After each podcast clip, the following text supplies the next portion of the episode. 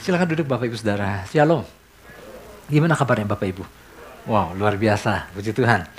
Oke, kita pada siang hari ini kita sama-sama mau tangkap apa yang jadi pesan Tuhan buat kita semua, saya Bapak Ibu Saudara, untuk minggu ini ya. Pesannya adalah gini, jangan membuat Tuhan menjadi lebih kecil dari rasa takut kita. Wow. Jangan membuat Tuhan menjadi lebih kecil dari rasa takut kita. Seringkali rasa takut yang dialami orang percaya sering kali terlalu dianggap begitu besar sehingga Tuhannya dianggap begitu kecil. Sebetulnya di sini dikatakan our God should be bigger than our fears.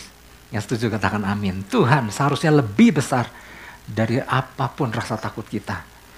Ya, karena sesungguhnya memang Tuhan adalah yang terbesar, terdahsyat. Tapi sering kali yang terjadi adalah rasa takut itu menutupi kedahsyatan Tuhan. Oleh sebab itu kita mau belajar melalui pesan Tuhan pada pagi hari ini Bapak, siang menuju pagi menuju siang ini. Saya ajak kita buka Mazmur 56 ayat 1 dan 2. Saya mau ajak kita sama-sama baca dua ayat ini ya. 1 2 3. Untuk pemimpin biduan, menurut lagu Merpati di pohon-pohon terbantin yang jauh, Miktam dari Daud, ketika orang Filistin menangkap dia di Gad. Ayat 2. Kasihanilah aku ya Allah, sebab orang-orang menginjak-injak aku. Sepanjang hari orang-orang memerangi aku dan mengimpit aku.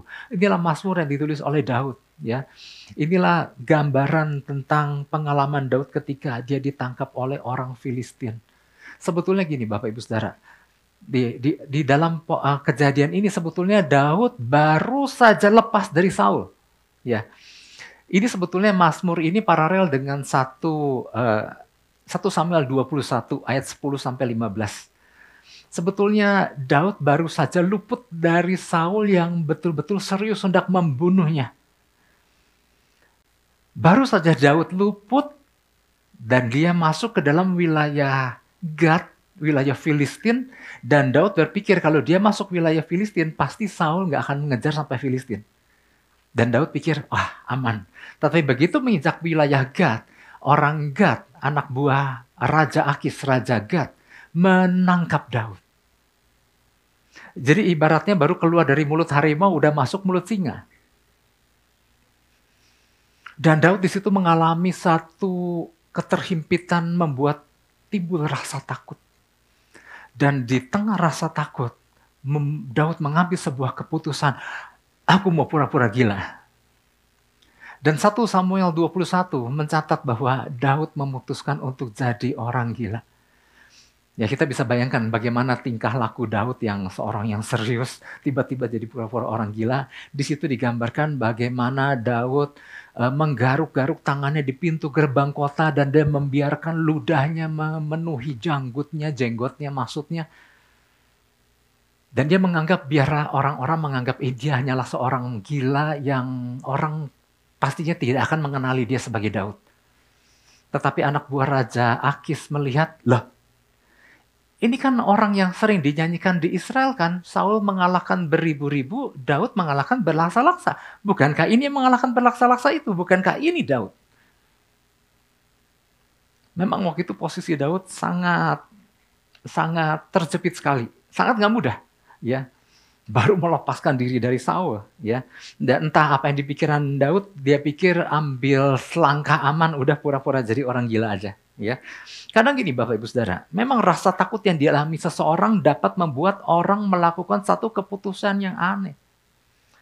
Rasa takut membuat orang mengambil keputusan yang terburu-buru.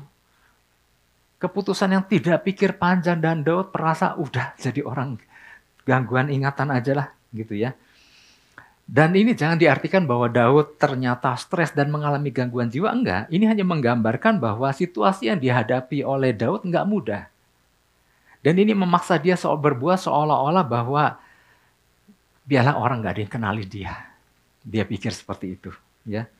Bapak Ibu Saudara, setiap manusia termasuk orang percaya, ya jujur boleh berkata bahwa kita pun sering kali berurusan dengan yang namanya rasa takut Ya.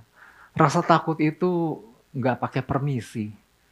Kadang-kadang tiba-tiba kita diperhadapkan dengan sesuatu keadaan Tiba-tiba ada ketakutan yang begitu uh, tiba-tiba menyergap dan timbullah rasa takut.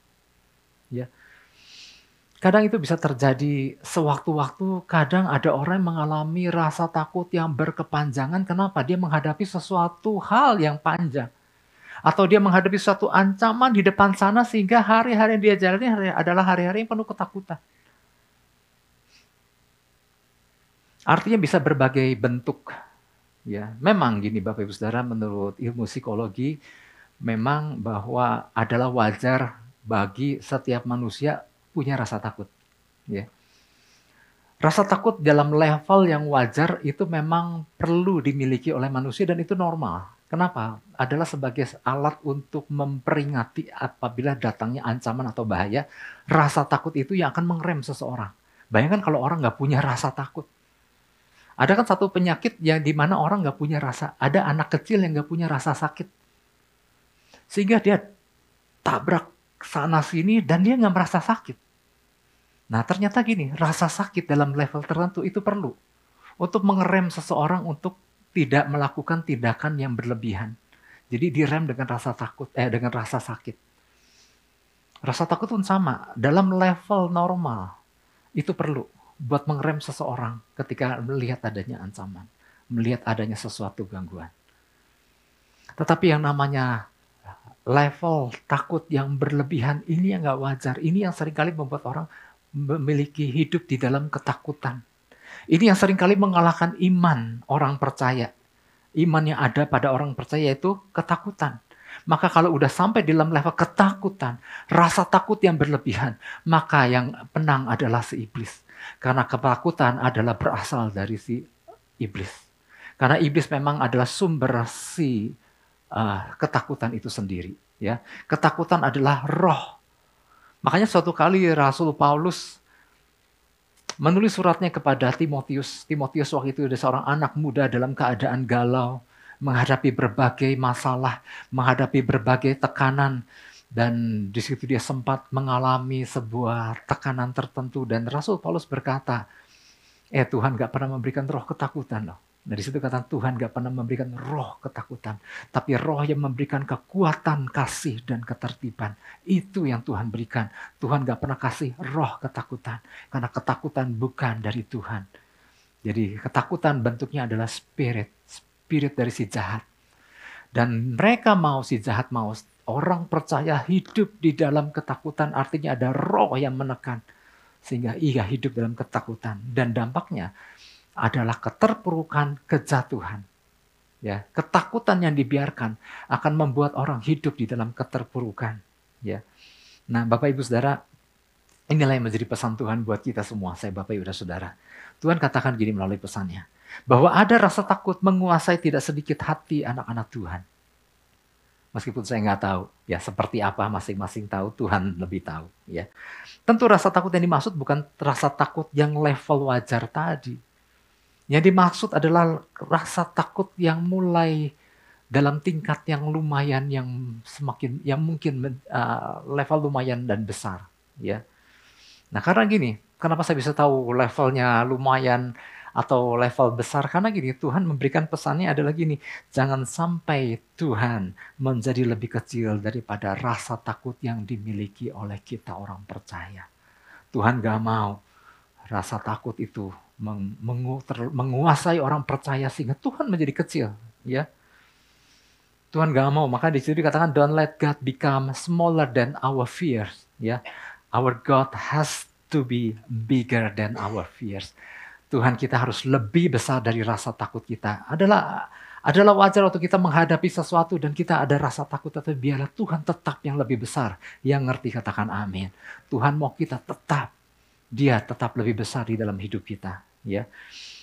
Saya nggak tahu ketakutan seperti apa yang dihadapi setiap masing-masing kita. Saya nggak tahu ya. Entahkah hal finansial, entahkah soal pekerjaan, entahkah kekhawatiran akan hari depan, entahkah soal pasangan hidup, entahkah soal hubungan keluarga, entahkah soal sakit penyakit nggak tahu. Bisa apa saja. Ya.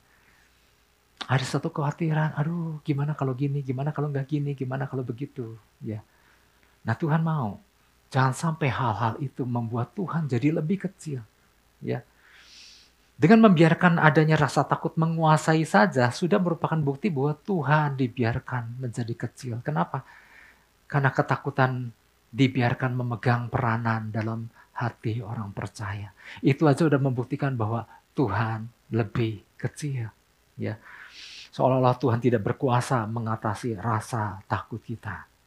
Nah, Bapak Ibu Saudara, apa yang bisa diakibatkan oleh timbulnya rasa takut? Rasa takut dapat menyebabkan ukuran Tuhan menjadi mengecil, ya.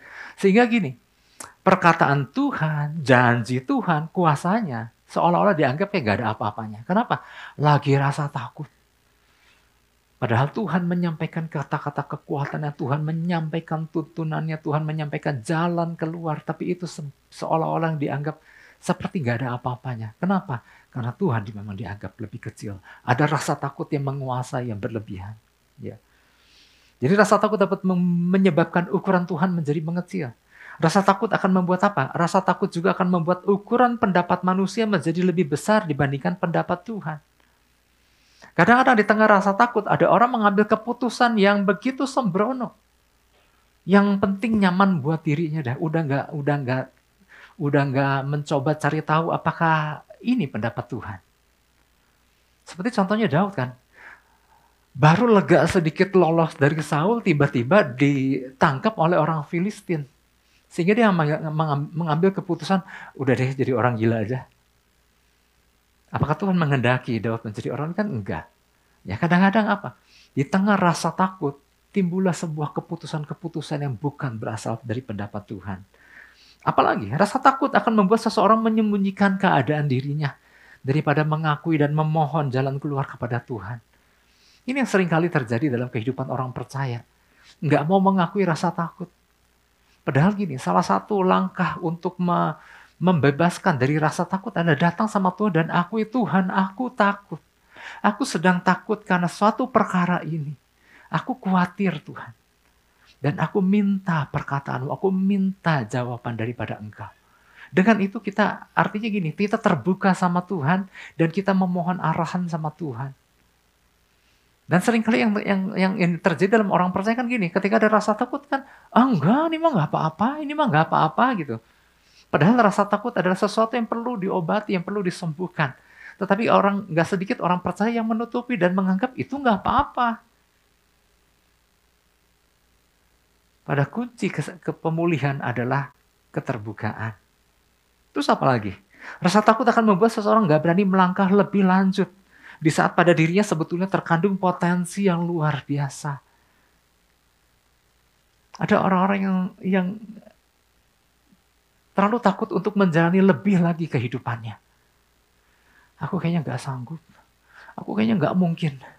Aku kayaknya nggak akan nggak akan qualified. Aku udah aku begini aja biarkan mereka aja yang yang yang lakukan, biarkan aku sudah terlalu tua. Nah itu sebetulnya kata-kata ketakutan orang itu untuk melangkah lebih lanjut dalam kehidupannya. Padahal dia punya potensi yang luar biasa.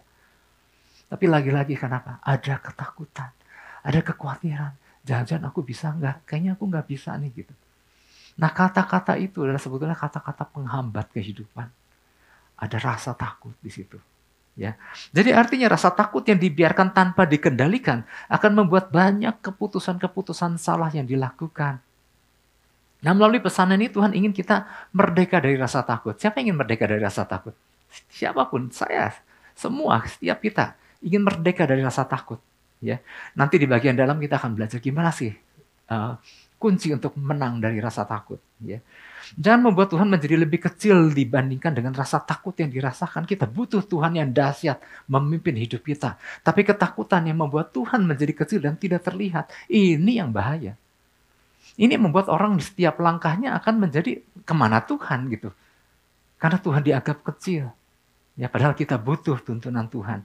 Nah, rasa takut yang dibiarkan akan membuat kita menjadi tidak menjalankan fungsi kita yang seharusnya.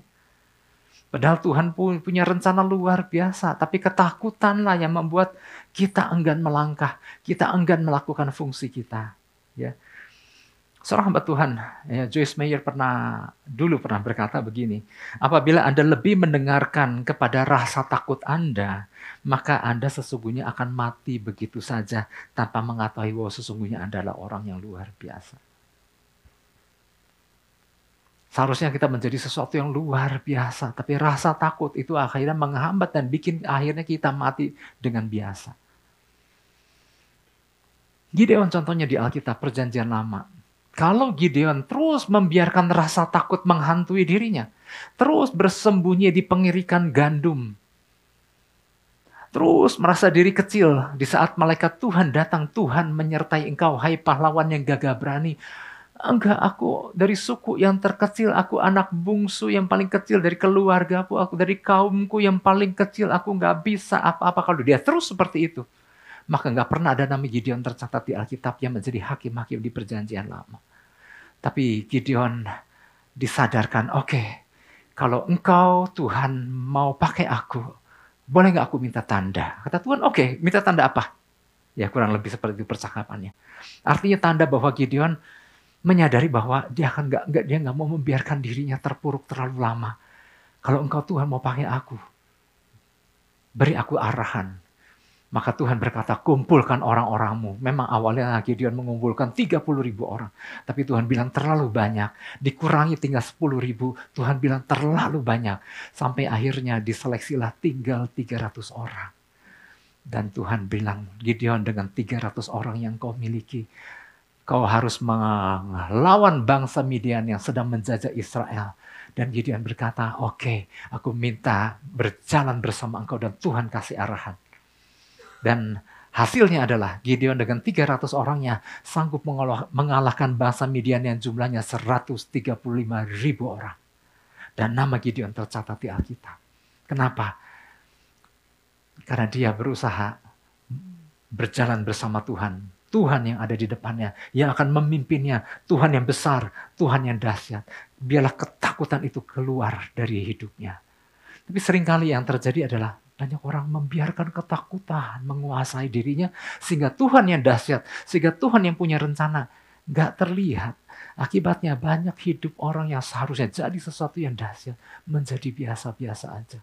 Seandainya Gideon nggak nggak menangkap itu, maka Gideon akan tetap Gideon yang bersembunyi di pengirikan. Nggak jadi apa-apa. Nah, oleh sebab ini Bapak Ibu Saudara, apa yang harus dilakukan?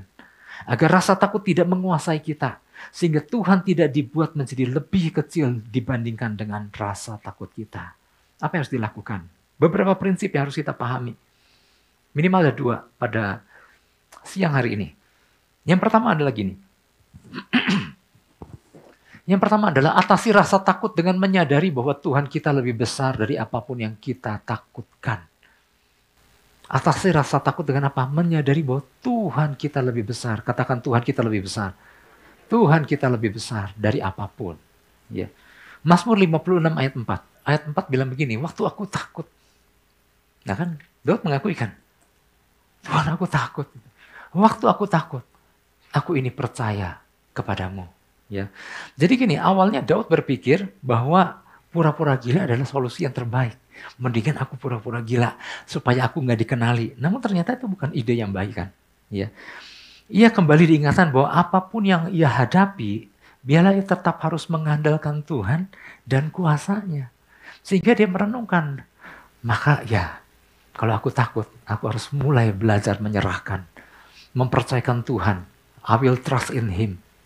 Ya, Nah, tinggal di dalam ketakutan bukanlah tempat kita sebagai orang percaya. Itu hanya akan membuat kita menjadi semakin terpuruk. Karena ketakutan itu bukan ranahnya orang percaya.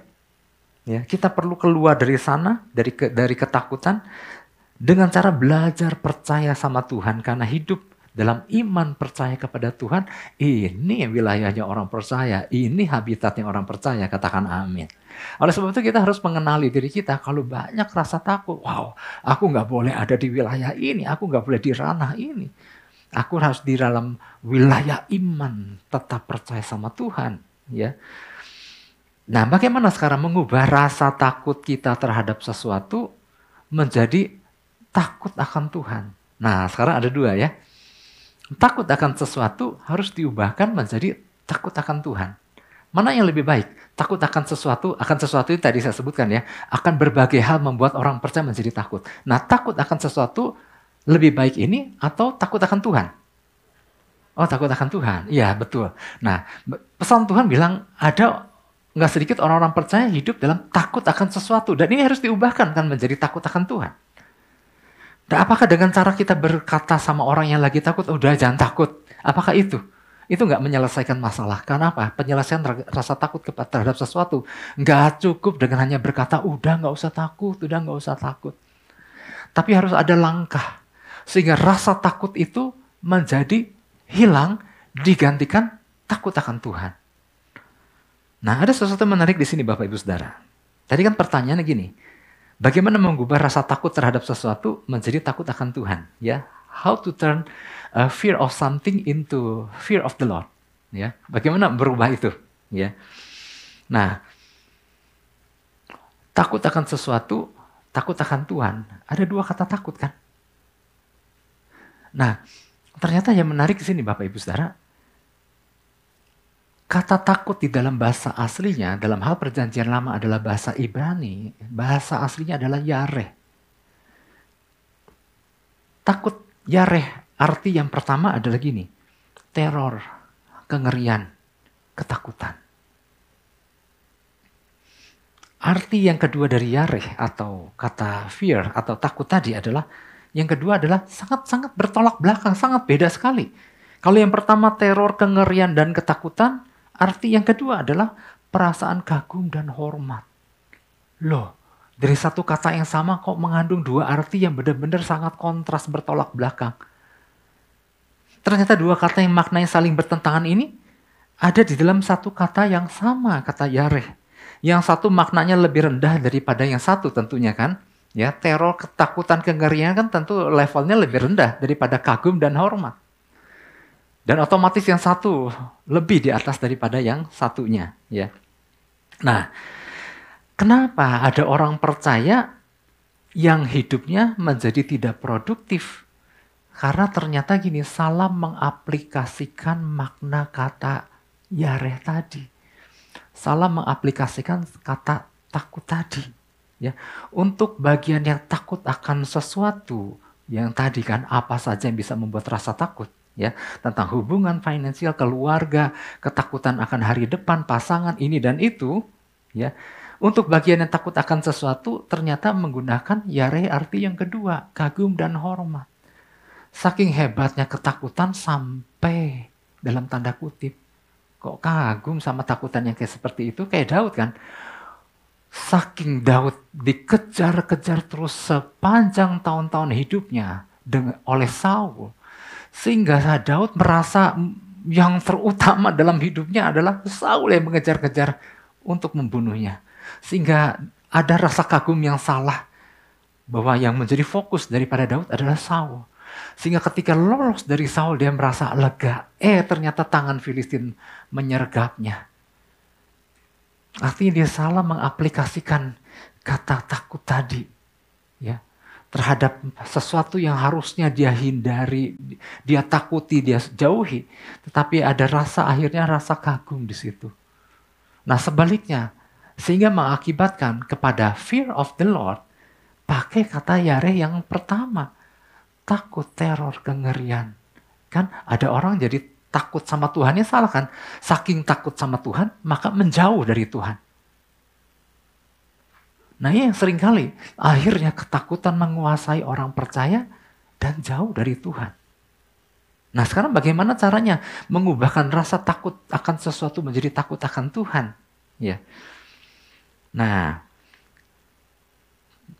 kita harus mulai mengaplikasikan dengan benar, ya bagaimana mengubah takut akan sesuatu menjadi takut akan Tuhan, pastikan kita menggunakan kata kerja yang tepat pada waktu kita berhadapan sama Tuhan. Datang sama Tuhan bukan karena takut yang salah, teror, kengerian, ketakutan, tapi datang sama Tuhan dengan ketakutan, hormat, dan kagum. Wow. Artinya, kini rasa takut akan Tuhan berbeda kadarnya dengan rasa takut akan sesuatu. Ya, jadi rasa kagum dan hormat kepada Tuhan akan membuat kita menghormati hadiratnya, menghormati perkataannya, menghormati tuntunannya. Ini yang membuat kita mau datang mendekat, sujud menyembah, memujanya. Ada rasa syukur yang dalam karena hormat dan takut akan Tuhan. Dan gak ada rasa takut karena ada kasih Tuhan. Ingat firman Tuhan dikatakan, di dalam kasih tidak ada ketakutan. Waktu kita hormat dan takut akan Tuhan, maka kasih Tuhan akan menguasai hati kita. Ada rasa syukur, dibarengi dengan ketaatan akan Tuhan. Nah, waktu kita memberikan hormat dan takut yang benar kepada Tuhan, maka Tuhan yang menjadi besar dalam kehidupan kita dan tidak ada tempat buat ketakutan akan sesuatu di sini. Yang sering jadi masalah menempatkan takut akan sesuatu terlampau berlebihan dan tidak menjalin sebuah keintiman dengan Tuhan sehingga hidup di dalam ketakutan, kecemasan, kekhawatiran. Dan ini selaras dengan apa yang dikatakan di dalam perjanjian baru. Ternyata di perjanjian baru ada satu ayat yang ternyata dia mengaplikasikan prinsip yang sama. Kita harus mengubah takut yang salah menjadi takut yang benar kepada Tuhan. Kita buka Matius 10 ayat 28. Nah di sini dikatakan, dan janganlah kamu takut, Matius 10 ayat 28, dan janganlah kamu takut kepada mereka yang dapat membunuh tubuh, tetapi yang tidak berkuasa membunuh jiwa. Nah, janganlah kamu takut kepada mereka yang dapat membunuh tubuh, tapi tidak berkuasa membunuh jiwa. Ini bicara tentang manusia, ya, yang mengancam, yang punya rencana, ya. Kalau kita lihat nanti baca di situ dalam konteksnya, ada orang-orang yang mengancam orang-orang percaya di dalam Tuhan, tetapi yang di, ya, yang Tuhan inginkan adalah takutlah terutama kepada Dia, kepada Tuhan yang berkuasa membinasakan baik jiwa maupun tubuh di dalam neraka. Nah, jadi kita harus mengubah takut akan sesuatu kepada takut yang benar yaitu kepada Tuhan. Ternyata kata takut yang digunakan di Matius ini karena di dalam perjanjian baru maka bahasa aslinya adalah bahasa Yunani. Nah, bahasa Yunani untuk takutnya digunakan kata phobos. Phobos punya dua arti. Arti phobos yang pertama adalah takut, yaitu teror, gangarian, dan ketakutan. Kata phobos yang kedua adalah kagum dan hormat. Jadi arti yang ayat 28 ini, jangan kita menaruh kagum dan hormat kepada mereka yang dapat membunuh tubuh. Jangan takut kagum dan hormat pada takut akan sesuatu ini. Tapi takutlah Kagum dan hormatlah fear of the Lord kepada dia yang berkuasa membinasakan baik jiwa maupun tubuh di dalam neraka. Jangan salah menempatkan rasa takut itu. Kadang ditempatkan rasa takut terhadap sesuatu, tapi nggak takut sama Tuhan. Tapi Tuhan mau tempatkan rasa takut akan Tuhan dalam pengertian kagum dan hormatlah berhubunganlah, sembahlah, pahami perkataannya, ar, ikuti tuntunannya. Maka takut akan segala sesuatu menjadi sirna. Ya. Nah Daud menyadari bahwa sebelum ia mengubah rasa takut yang benar kepada Tuhan, maka keadaan akan semakin menakutkan baginya. Sebelum dia mengubah menjadi fear of the Lord, maka dia mengambil sebuah tindakan-tindakan yang ceroboh. Makanya tadi kan pura-pura jadi gila lah dan lain-lain. Nah ketika ia mengubah rasa takutnya dengan mengambil makna yang tepat yaitu fear of the Lord. Maka langkah Daud menjadi beda. Lihat ayat yang kelima. Mazmur 56 ayat 5. Maka di situ Daud berkata kepada Allah yang firmannya kupuji. Nah udah ada perubahan cara pandang Inilah fear of the Lord yang Daud lakukan terhadap Tuhan. Kepada Allah yang firman aku puji, kepada Allah aku percaya, aku tidak takut. Gak lagi takut kepada yang ini. Apakah yang dapat dilakukan manusia terhadap aku sehingga ketakutan terhadap manusia tidak lagi mendapat tempat pada diri Daud, pada hati Daud. Karena takutnya akan Allah menguasai dirinya. Nah inilah Bapak Ibu Saudara, ini yang penting. Kita nggak cuma bisa bilang, udah jangan takut, jangan takut. Enggak, enggak akan hilang. Kecuali kita sembah dengan benar. Kagum dan hormat sama Tuhan. Taati firmannya, jalinlah sebuah keterhubungan dengan baik. Maka ini hilang yang ngerti katakan amin. Yang ngerti beri tepuk tangan buat Tuhan Yesus. Ya. Jadi Bapak Ibu Saudara, apa yang sering kali membuat orang percaya suka menjadi takut akan suatu situasi atau keadaan, kita sekarang ngerti. Ya. Jawabannya adalah itu terjadi karena orang percaya kurang mengagumi dan hormat akan Tuhannya. Oleh sebab itu mari Bapak Ibu Saudara, apa pun yang dari Tuhan kita belajar yuk tangkap. Pesannya, pesannya tentang apa sih gitu ya. Aku mah gak ngerti pesannya. Aku lebih suka khawatir. Nah, artinya kita kurang menaruh tem memberikan tempat kepada Tuhan. Tuhan jadi kecil, ketakutanlah yang menjadi lebih besar. Oke, itu yang pertama. Yang kedua, yang kedua, atasi rasa takut dengan mempercayai Tuhan setiap waktu. Ayatnya masih sama, Mazmur 56 ayat yang keempat.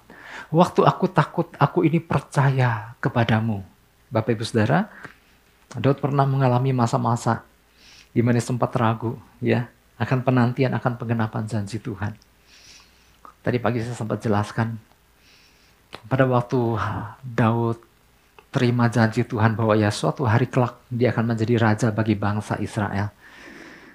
Itu kan waktu pada terjadi pada peristiwa waktu Nabi Samuel disuruh Tuhan datang ke kota di mana Isai berada dan Tuhan bilang salah satu dari anak anak Isai kau urapi dan orang yang kusuruh kau urapi itu akan menjadi raja menggantikan Saul. Tapi Samuel masih belum tahu anaknya mana gitu. Maka ketika ketemu dengan kakak-kakaknya Daud, Nabi Samuel melihat nih, jangan-jangan ini jadi raja karena model potongan raja banget. Tapi Tuhan bilang, bukannya itu. Anak yang lain, Tuhan bilang, bukan yang itu. Anak yang lain yang Samuel pikir, ini nih pasti ini. Bukannya itu, bukannya itu, bukannya itu, sampai habis. Sampai Samuel bertanya, Isai, masih adakah anakmu yang lain lagi? Eh, Isai masih bi bisa bilang begini, ada, lagi menggambarkan kambing domba. Nah itu Daud. Dipanggilnya lah Daud. Masih remaja, mukanya kemerah-merahan. Dan kemudian Tuhan bilang sama Samuel, ini urapi anak ini. Nah, waktu Samuel menuangi Daud, kepala Daud dengan minyak, bahwa suatu hari Daud ini akan menjadi raja bagi bangsa Israel, kurang lebih usia Daud ini mungkin sekitar 12, 13, 14-an. Masih sangat kecil, masih sangat muda sekali. Dan kapan Daud menjadi raja? Satu kali Daud diangkat menjadi raja atas Hebron. Dan usia Daud waktu itu 30 tahun. Bapak ibu saudara bayangkan ada rentang waktu belasan tahun. Sebelum janji Tuhan untuk yang berjanji bahwa menjadikan Daud sebagai raja. Ada rentang waktu penantian belasan tahun. Dan selama belasan tahun itu ada kurang lebih 10 tahun Daud dikejar-kejar mau dibunuh sama Saul. Ini kan yang membuat Daud, ini beneran apa nih mau jadi raja atau enggak nih? Kayaknya mau dibunuh tiap hari. Dikejar-kejar. Wajar kalau Daud mungkin mengalami benar gitu. Kok hidup dalam ketakutan begini? Apa benar janji Tuhan? Apa benar aku bakal jadi raja? Timbullah rasa takut. Nah, tapi Daud belajar sesuatu. Dia nggak mau membiarkan ada rasa takut lah mampir di hatinya. Maka itu dikatakan waktu aku takut, aku ini percaya kepadamu. Daud mengambil keputusan ketika Kan kita tahu kan sebetulnya kalau kita mau jujur ada rasa takut. Daud jujur dia tahu ketika ada rasa takut tapi dia nggak membiarkan rasa takut bercokol di dalam dirinya. Maka dia berkata, waktu aku takut. Dia memutuskan untuk datang kepada Tuhan. Dia menaruh kepercayaan, I will trust in you Lord. Aku menaruh kepercayaan kepadamu Tuhan. Aku gak mau membiarkan ada rasa takut. Waktu Daud merasa khawatir, maka ia datang sama Tuhan merenungkan janji Tuhan. Waktu ada rasa cemas, maka Daud datang sama Tuhan. Dia merenungkan perkataan-perkataan Tuhan. Karena Daud tidak mau membiarkan ada rasa takut di dalam dirinya. Nah kita perlu belajar sama sosok Daud. Jangan ketakutan di di emplak-emplak ya. Saya nggak tahu bahasa tepatnya kalau kerjaan ini ketakutan di, di, di nabobo gitu. Keenakan terlalu lama di dalam diri orang percaya. Satu kali murid-murid Yesus datang kepada Yesus. Ada satu pertanyaan yang menarik Bapak Ibu Saudara. Kita bisa lihat di dalam Yohanes 6 ayat 20, nah, 28 sampai 29. Yohanes 6 ayat 28 29. Satu kali mereka datang kepada Yesus, lalu mereka, lalu kata mereka kepadanya, apakah yang harus kami perbuat supaya kami mengerjakan pekerjaan yang dikehendaki Allah? Wow, ini pertanyaan yang luar biasa. Apakah yang harus kami perbuat supaya kami mengerjakan pekerjaan yang dikehendaki Allah. Kemudian Yesus jawab gini. Jawab Yesus kepada mereka, inilah pekerjaan yang dikehendaki Allah. Ini kan lagi bicara pekerjaan. Tapi jawabannya menarik. Inilah pekerjaan yang dikehendaki Allah, yaitu hendaklah kamu percaya kepada dia yang telah diutus Allah. Siapa yang dimaksud dia yang telah diutus Allah?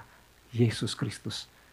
Yesus bilang, kalau kau nanya pekerjaan apa yang dikehendaki Allah, yang dikehendaki Allah adalah hendaklah kamu percaya kepada Dia, kepada Yesus. Nah, yang menarik adalah penggunaan kata pekerjaan. Kenapa Yesus untuk percaya kok pakai kata pekerjaan? Ternyata pekerjaan di dalam bahasa aslinya digunakan kata ergon. Ergon punya arti gini, ergon adalah bekerja keras artinya berusaha, bersungguh-sungguh seperti orang mencari nafkah. Iya kan, orang kalau nyari nafkah kan serius kan.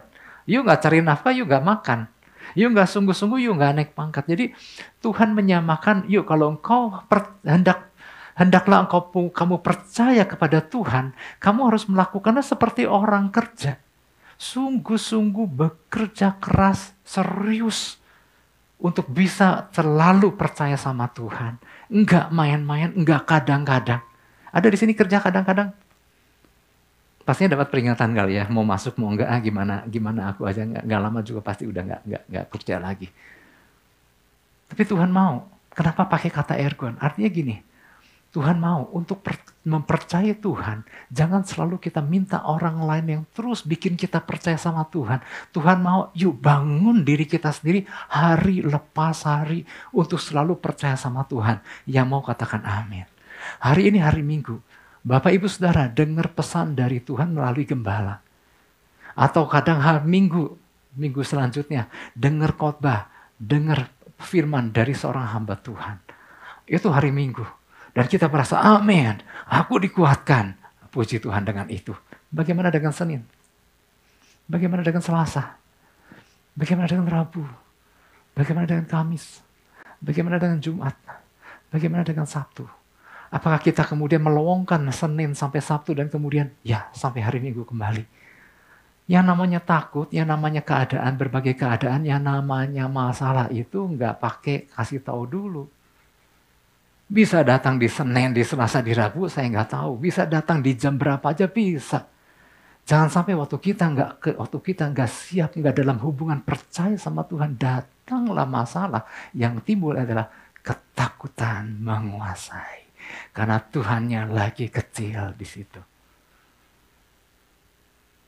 Oleh sebab itu Tuhan mau hari lepas hari adalah keputusan kita. Bangun diri kita, bikin diri kita terus terhubung dan percaya sama Tuhan yang mau katakan amin. Kalau kita terus mengadakan, oh yo kamu bikin aku percaya dong, ayo Pak Pendeta bikin aku terus percaya sama Tuhan. Ya mungkin bisa di hari Minggu. Tapi hari selanjutnya adalah keputusan kita. Kita nggak bisa terus dicekoki hari lepas hari. Kita bangun diri kita sedemikian rupa, sedemikian rupa warna waktu. Kita terus terhubung dan ter, membangun kepercayaan sama Tuhan. Nggak ada tempat buat ketakutan. Katakan amin. Oleh sebab itu saya mau undang kita bangkit diri sebentar kita masuk ke dalam